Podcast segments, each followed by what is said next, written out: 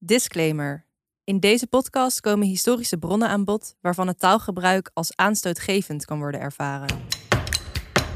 150 jaar geleden. 400 jaar geleden. 250 jaar 200 jaar geleden. aan de andere kant van de oceaan. In Suriname. In Indonesië. Nederlands-Indië. In de Oost. In de West- Paramaribo. Ghana. In Zuid-Afrika. In Brazilië. In Jakarta. Batavia. In Nederland. In de Republiek. In Amsterdam. In het Universiteitskwartier. In het Atheneum Illustre. In de Waag. In het Binnengasthuis. In het Spinhuis. In het Bushuis. In het Oost-Indisch Huis. In het Universiteitstheater. In het heden. In het verleden. nu. Toen. Hier. Ver weg. Dichtbij. Te dichtbij.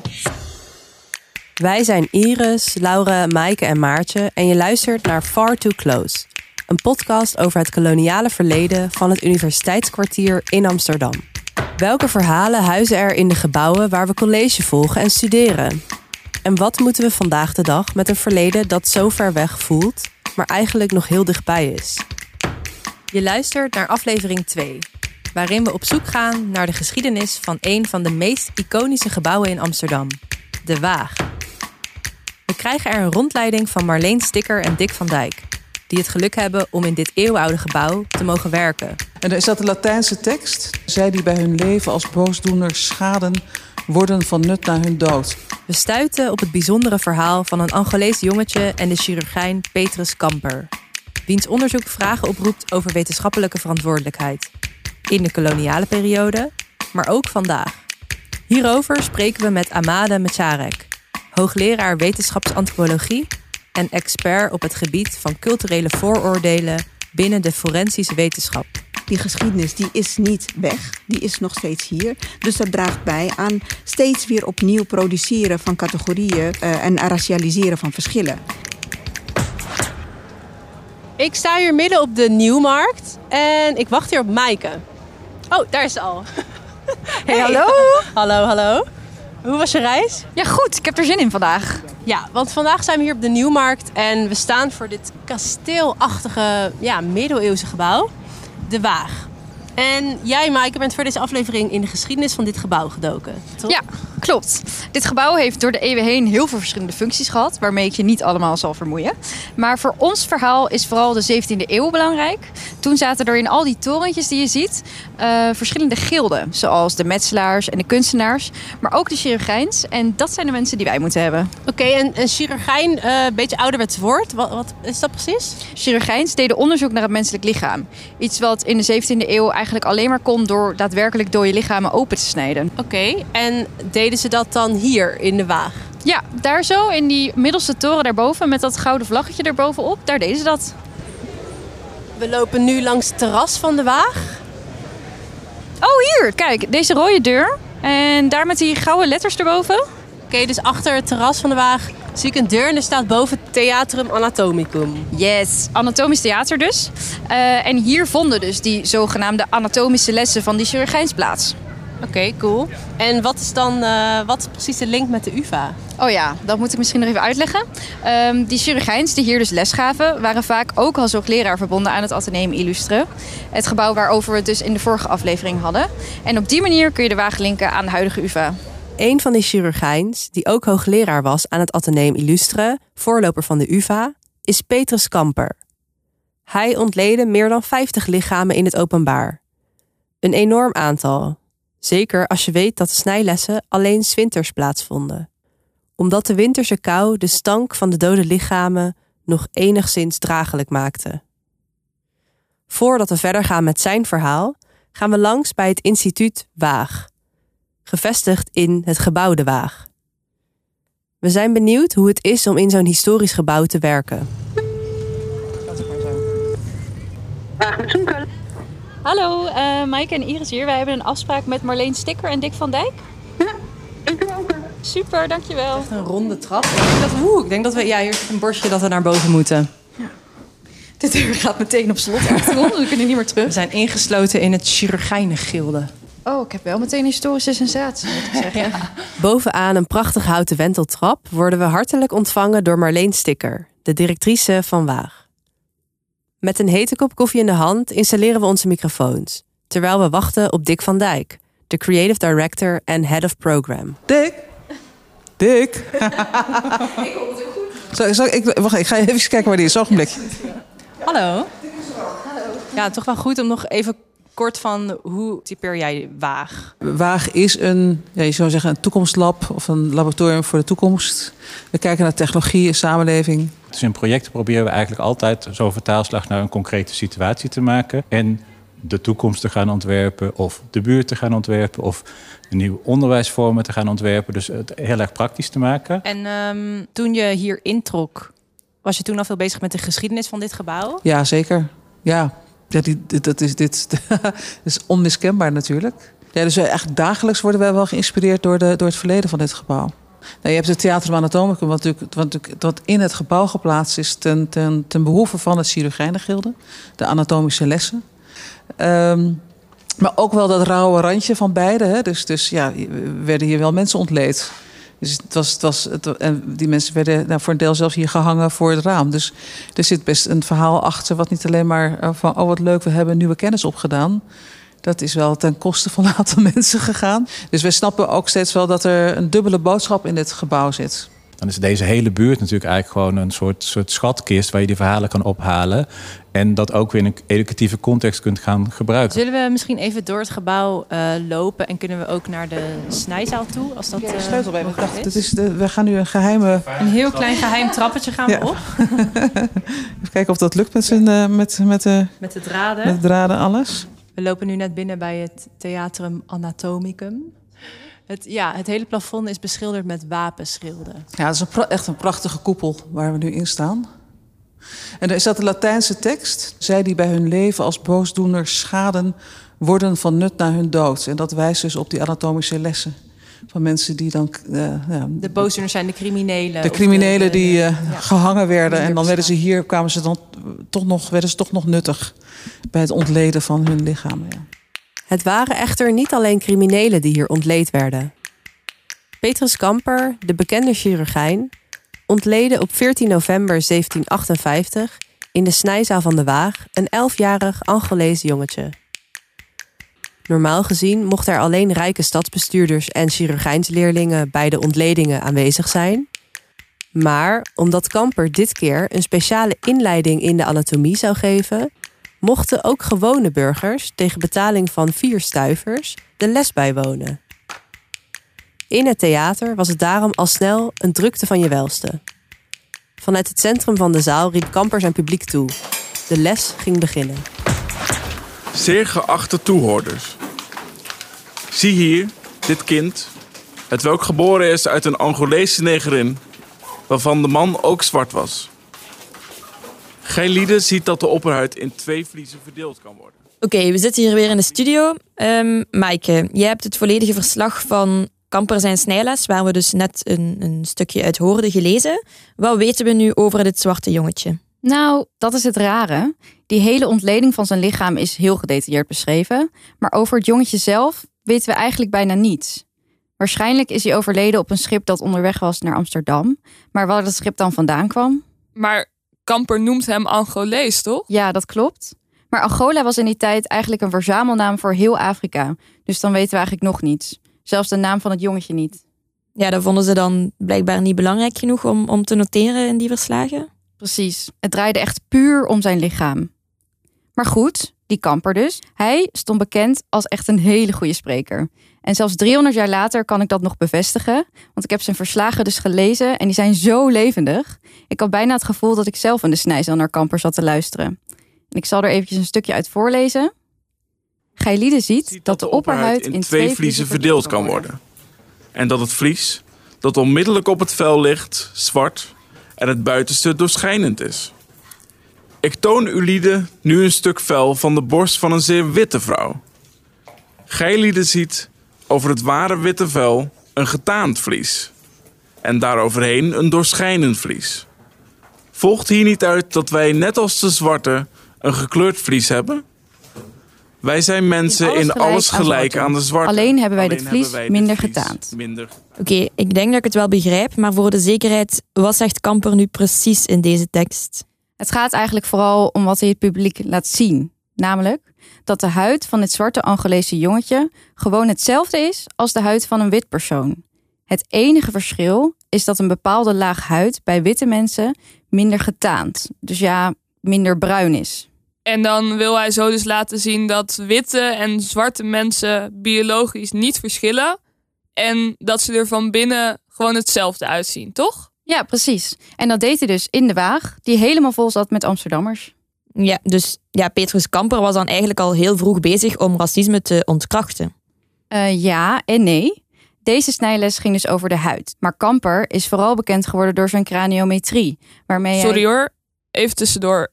Wat is dat? Craniometrie? Oh ja, sorry. Um, dat zijn schedelmetingen. Maar ook uh, schedeltekeningen bijvoorbeeld. Ah, ja, oké. Okay.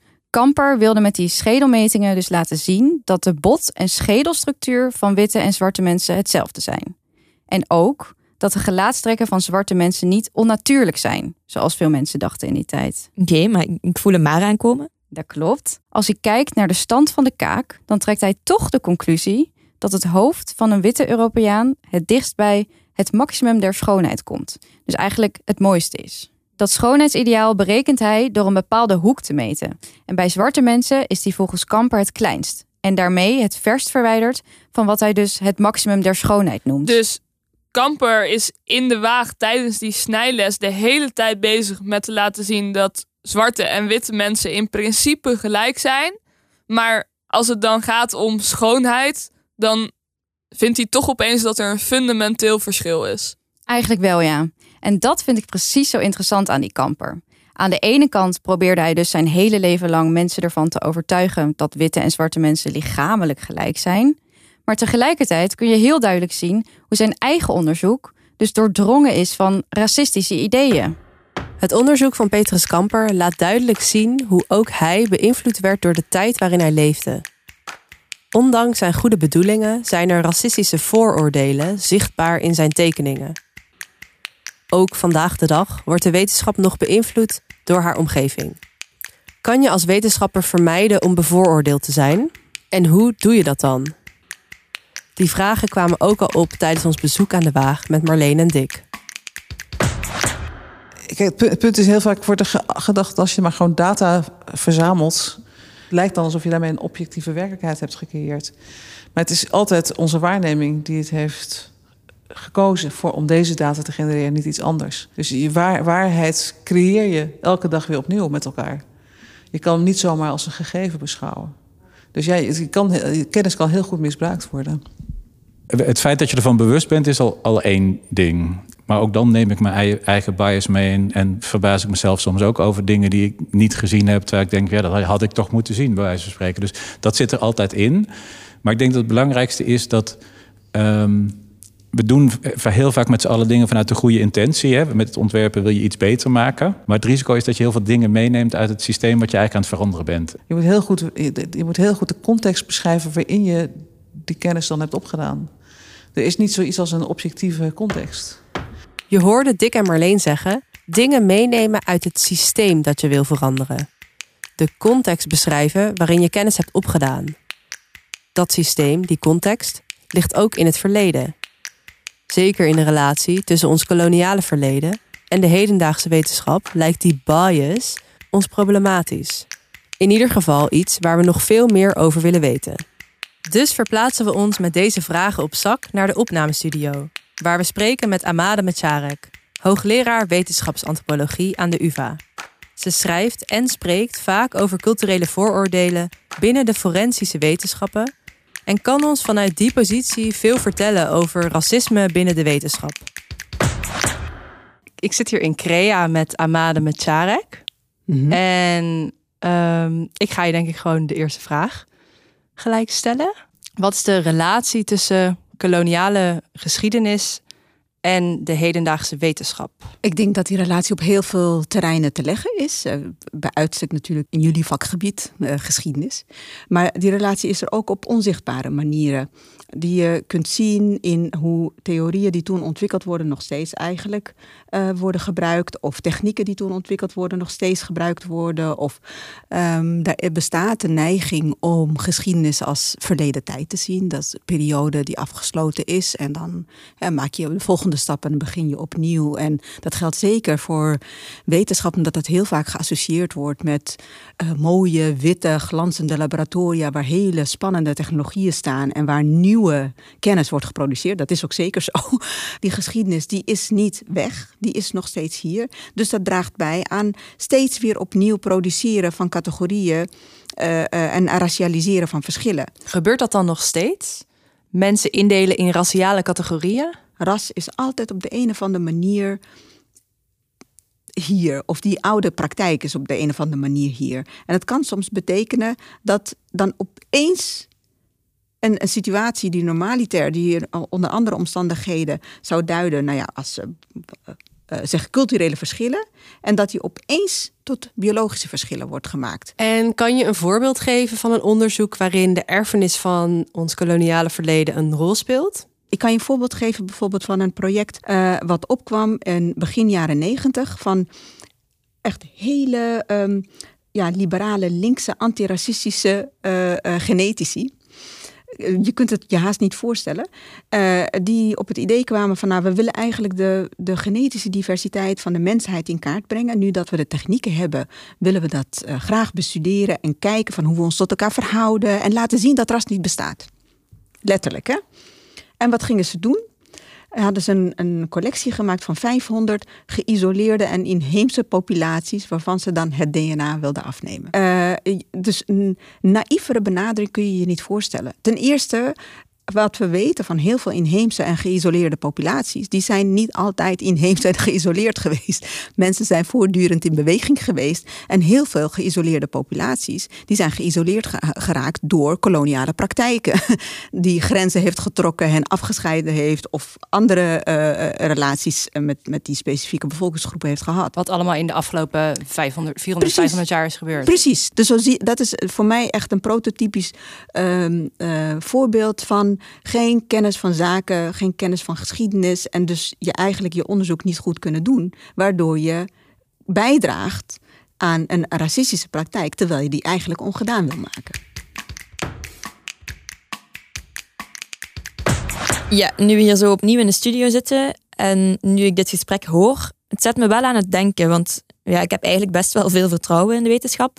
Maar um, uit het hele gesprek met Amade blijkt dus dat die racistische theorieën en praktijken wel nog steeds een beetje een rol spelen. Ja, en dat doet me toch nog ook eventjes terugdenken aan Petrus Kamper. Sorry, ik wil er toch nog eventjes een stukje geschiedenis in fietsen. Ja, weer. Ja. Uh, ik vertelde net dus over die schedelmetingen van Kamper, toch? Waarmee jij de biologische gelijkheid tussen witte en zwarte mensen wilde aantonen. Ja, ja. Maar, nu komt die. Die tekeningen zijn later gebruikt om een bepaalde raciale hiërarchie te onderbouwen door wetenschappers die Kampers onderzoek gebruikten om aan te tonen dat witte mensen superieur waren aan zwarte mensen. Oh, dus eigenlijk als de basis van wetenschappelijk racisme. Dus dan niet alleen die schoonheid van Kamper, maar echt biologisch. Klopt. En dat is dus nogal een nare bijwerking. Want Kamper had dat nooit met zijn tekeningen bedoeld. Mm, ja, bijwerking. Ja, ik bedoel, als je mensen indeelt in verschillende groepen op basis van ras, kan je wel een beetje verwachten dat je onderzoek gebruikt zal worden voor racistische doeleinden, toch? Ja, zijn intenties waren dan misschien wel goed, maar had hij niet iets verder moeten kijken naar de risico's van zijn onderzoek? Je hebt toch denk ik, een bepaalde verantwoordelijkheid als wetenschapper. En niet alleen in de 18e eeuw trouwens, maar ook nu. Over die verantwoordelijkheid hadden we het ook met Amade. In hoeverre ben jij als wetenschapper verantwoordelijk voor hoe jouw onderzoek wordt geïnterpreteerd? Hoe voorkomen we dat onderzoeken worden misbruikt? En hoe zorgen we ervoor dat onderzoek niet onbedoeld racistisch is? Oké, Amade, we hadden het net al over hoe de koloniale ideeën nu nog steeds invloed hebben op de wetenschap. Maar waar ligt dan de verantwoordelijkheid van de wetenschapper om zulke misinterpretaties te voorkomen? Met dat hele vraagstuk rond uh, ras tussen aanhalingstekens en racisme is me eigenlijk duidelijk geworden: dit is niet iets waar we makkelijk van af gaan komen. En daarom is het een, ja, iets waar we iedere keer weer opnieuw ons kop over moeten breken. Iedere keer moeten gaan nadenken, hoe doen we het nu? Hoe zorgen we ervoor dat kennis zo geïnterpreteerd wordt zoals die ook is bedoeld door de wetenschappers of de, een wetenschappelijke groepering. Dus dat is een bepaald soort verantwoordelijkheid die je hebt als, eh, als wetenschapper. Maar tegelijkertijd heb je het ook niet in de hand. Uh, Ehm, en in die zin zie ik het ook als een, een collectieve uh, taak. Hoe zorgen we ervoor dat onze kennis A, niet verkeerd geïnterpreteerd wordt, maar B, ook echt bijdraagt aan het uh, collectief en aan het goede. Het goede lijkt me in dit geval dat dat dan een strijd tegen racisme is. Um, maar hoe komt het dan dat dat soms niet zo is? Dat sommige onderzoeken racisme juist in de hand werken? Um, ik denk ignorance. Uh, voor een, dus je hebt natuurlijk racistische uh, wetenschappers, overal. Af en toe duikt er weer eens eentje op. Maar het grootste gedeelte, en dat is echt een collectief probleem, dat is dat we gewoon te weinig ehm, ons rekenschap geven van waar we als wetenschappen vandaan komen. Dus vakken als wetenschapsfilosofie en wetenschapsgeschiedenis zijn echt cruciaal voor het beoefenen van goede wetenschap. Je zegt rekenschap. Wat bedoel je daar precies mee? Dat als we met bepaald soort wetenschappelijke vragen bezig zijn, dat we niet moeten vergeten om eventjes te kijken van hé, waar komt het nou eigenlijk vandaan? Is daar ooit eens over geschreven? Of misschien uh, dat je in ieder geval met je collega's net over jouw schutting uh, gesprekken gaat. Van nou, dit is wat we van plan zijn te doen. Hoe kijken jullie hier tegenaan? Kun je ons gewoon een beetje feedback geven? Uh, als een klankbord optreden? Zijn er dingen die we over het hoofd zien? Het, het zal jou waarschijnlijk ook niet onbekend zijn dat er uh, hiërarchieën bestaan tussen wetenschappen. Hè, uh, natuurkunde, scheikunde, wiskunde, economie, die staan bovenaan. En wij, de sociale en geesteswetenschappen, bungelen daar een beetje beneden. Dus als dat een klein beetje in balans zou geraken, dat we elkaar in de ogen kunnen zien en elkaar kennis serieus nemen, zie ik mogelijkheden voor interdisciplinaire benaderingen. Ik denk dan ook meteen aan eurocentrisme, dat we alles heel erg vanuit ons eigen Europese perspectief zien, wat natuurlijk niet uh, universeel is. Merk je dat ook aan de UvA? Heel erg. Ja, ja het is heel, heel moeilijk om daarvan uh, uh, van weg te komen. Dat zit hem in de manier waarop we onderwijs geven. Dus wie, wie daarin een, rol spelen en wie niet.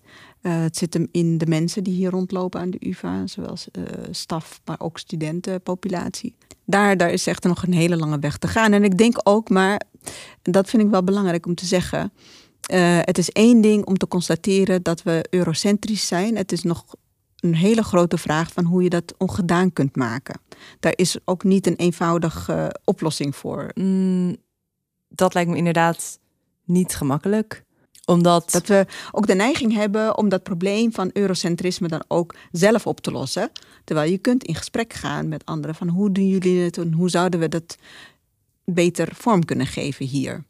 We hoeven niet alle kennis in pacht te hebben. En dat betekent dat je eventjes jezelf ook een beetje tussen haakjes moet zetten. Niet een alleswetende wetenschapper bent, maar gewoon iemand die een ingewikkeld probleem uh, wil uh, aanvatten. En omdat het ingewikkeld is, kun jij niet alle kennis claimen, maar is het misschien nuttig om dat, de kennis van anderen ook daarvoor te mobiliseren. Dus eigenlijk ruimte creëren om uh, het issue te kunnen bediscussiëren. Dat kan de vergadertafel zijn, maar het kan ook publiek zijn. Het kan zijn dat je bijvoorbeeld in, in, cursussen waar studenten zich gebogen hebben op, op dat thema, dat je zegt van nou kom eens naar CREA, presenteer wat je hebt gevonden.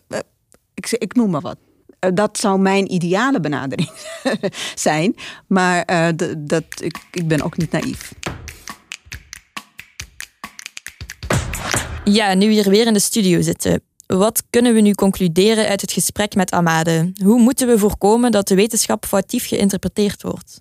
Ik onthoud eigenlijk twee dingen. Eén, het is belangrijk om met andere wetenschappelijke disciplines samen te werken. Ja, ja, dat vond ik ook echt geruststellend eigenlijk. Dat Amade zei dat je niet alle kennis in pacht moet hebben. En dat wetenschappers dus wel wat meer mogen twijfelen. Ja, of een beetje vaker langsgaan bij collega's of wat meer dingen uitwisselen met medestudenten uit andere disciplines. Ja, en dan het tweede ding wat ik heb meegenomen uit dit gesprek is dat het belangrijk is om kennis te hebben van de geschiedenis. Ja, zodat je weet waar je zelf staat, maar ook waar je op voortbouwt. En hoe die positie verschilt van anderen. En jij? Hoe ga jij om met jouw verantwoordelijkheid als wetenschapper? Sta jij open voor andermans inzichten? En hoe kritisch kijk jij naar jezelf? Dit was aflevering 2 van de podcast Far Too Close over de Waag. Na de gesprekken met Marleen, Dick en Amade is één ding wel duidelijk. Racistische vooroordelen werken nog steeds door in de wetenschap. Het is niet alleen iets uit de tijd dat Petrus Kamper in de snijzaal van de Waag het Angolese jongetje ontleden, maar leeft ook vandaag nog verder. In de volgende aflevering gaan we op zoek naar het verborgen verleden van het Binnengasthuis en ontdekken we hoe het leven van een Surinaams meisje verbonden is met dit gebouw aan de Amsterdamse Grimburgwal. Far Too Close wordt gemaakt door Iris van der Werf, Maartje van Bennekom, Maaike de Klein en Laure Lambert. In samenwerking met Foxpop, de creative space van de faculteit Geesteswetenschappen van de UvA en Microphone Media. We zijn veel dank verschuldigd aan Marleen Stikker, Dick van Dijk en Amade Mecharek, die alle uitgebreid de tijd hebben genomen om met ons in gesprek te gaan. Ook dank aan Jorn Beuzekom, die onze historische bronnen met zijn stem tot leven wekte. Wil je meer weten over de verzwegen verhalen van gebouwen van de UvA? Bezoek dan ook onze website via www.voxpop.uva.nl en volg ons op Instagram via fartooclose-podcast.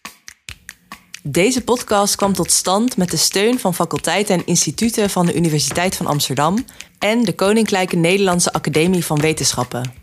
Wij danken de faculteit der Geesteswetenschappen, Foxpop, de Graduate School of Humanities, de Amsterdam School for Heritage, Memory and Material Culture, de faculteit der Natuurwetenschappen, Wiskunde en Informatica, de faculteit der Rechtsgeleerdheid, Bureau Communicatie, het Chief Diversity Office, Huisvestingsontwikkeling, de bibliotheken van de UvA en HVA en het NIAS KNW.